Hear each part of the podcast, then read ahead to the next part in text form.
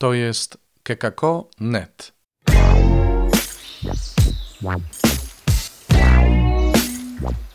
Poranny suplement diety.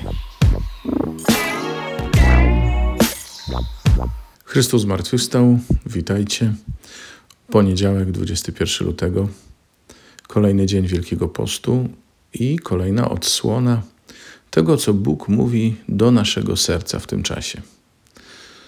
Dzisiaj o pasterzach, a właściwie o Piotrze i o jego relacji z Jezusem. To jest niesamowite. Zobaczcie, dzisiaj Jezus powierza Piotrowi odpowiedzialność za cały Kościół i to tak e, między niebem i ziemią, co zwiążesz na ziemi będzie związane w niebie i tak dalej, i tak dalej. Ale na jakiej podstawie? Skąd Jezus znalazł sobie tyle zaufania do Piotra, którego przecież znał i wiedział mniej więcej, no, że nie jest to wzór wszystkich cnót, a zwłaszcza wzór odwagi, poświęcenia itd., tak itd. Tak, tak przynajmniej można by sądzić z tego, jak się Piotr zachowywał. Za moment y, będzie się obawiał o Jezusa i w związku z tym też o siebie. Nie przyjdzie to na ciebie, Potem będzie sytuacja, w której się zaprze Jezusa, nie przyzna się do Niego. Potem jeszcze będzie już po zmartwychwstaniu, gdzieś tam razem z Pawłem, będzie się zachowywał tak w sposób asekurancki, uciekając od tych, z którymi przed chwilą jeszcze swobodnie przebywał. Mówię o chrześcijanach pogańskiego pochodzenia. Ogólnie rzecz biorąc, charakter taki dość niezasilny. A jednak Jezus powierza mu cały Kościół.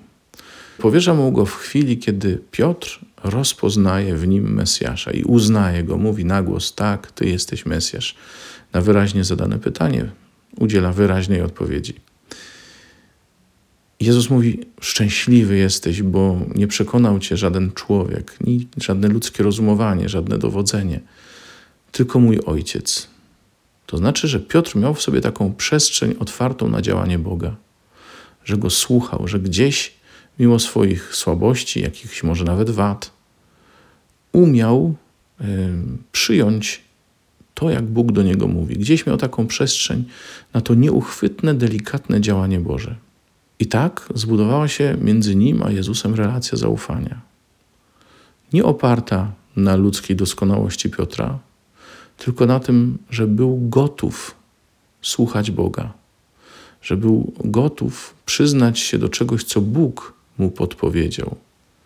I to pewnie nie w jakimś objawieniu, tylko może właśnie w intuicji, gdzieś w sercu, w przeczuciu, w takim ludzkim przebłysku.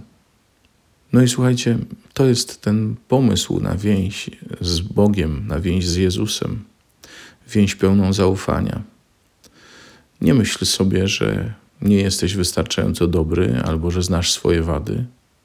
Pomyśl tylko, że Jezus chce, żebyś mu zrobił trochę miejsca, żebyś go rozpoznał w sercu, w przeczuciu, żebyś go widział obecnego w braciach, siostrach, w rodzinie, sąsiadach, w ludziach, których masz wokół siebie, żebyś był gotów nawet przeciwko ludzkiej ocenie, może ludzkim uprzedzeniom, rozpoznać tam obecność Bożą.